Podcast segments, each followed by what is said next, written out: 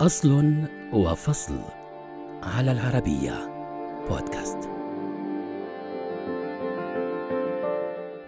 لطالما كانت القهوة المشروب المفضل للكثير من الشعوب ورفيق الشعراء والمغنين ورغم أن هناك اختلافا حول مكتشف هذا المشروب إلا أن كل ذلك ينسى مع أول رشفة من القهوة. ومع ذلك هنالك مراحل عديدة معروفة مرت بها القهوة حتى وصلت إلى العالم فما أصل هذا المشروب الذي كتب فيه محمود درويش وغنت له فيروز؟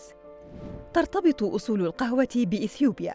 رغم اختلاف الروايات حول مكتشفها فالرواية الأولى تقول إن راعي أغنام إثيوبي يدعى كالدي اكتشف القهوة في القرن التاسع الميلادي بعد ملاحظة أن أغنامه أصبحت نشيطة للغاية بعد تناولها حبوبا تشبه التوت من إحدى الأشجار فأبلغ كالدي بعدها راهب الدير المحلي الذي تناول مشروبا ساخنا مع هذه الحبوب فأبقته مستيقظا طوال الليل وانتقلت بعدها القهوة إلى اليمن.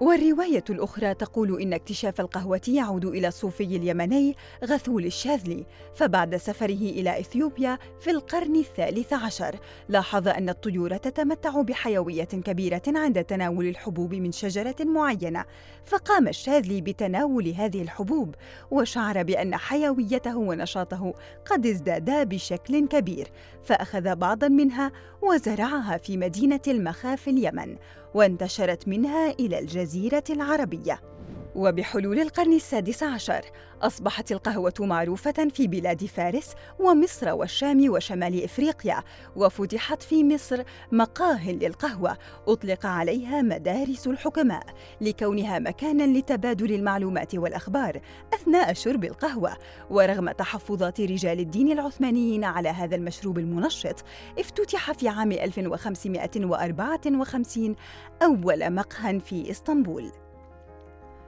وفي عام 1600 جلب التجار الإيطاليون القهوة من تركيا إلى البندقية وحاول رهبان البابا كليمونت الثامن إقناعه بتحريم شرب القهوة لأنها تأتي من العثمانيين إلا أنه خالفهم وأعلن أنها مشروب مقبول بعد أن جربها واستمتع بطعمها لتنتشر القهوة بعد ذلك إلى باقي أوروبا.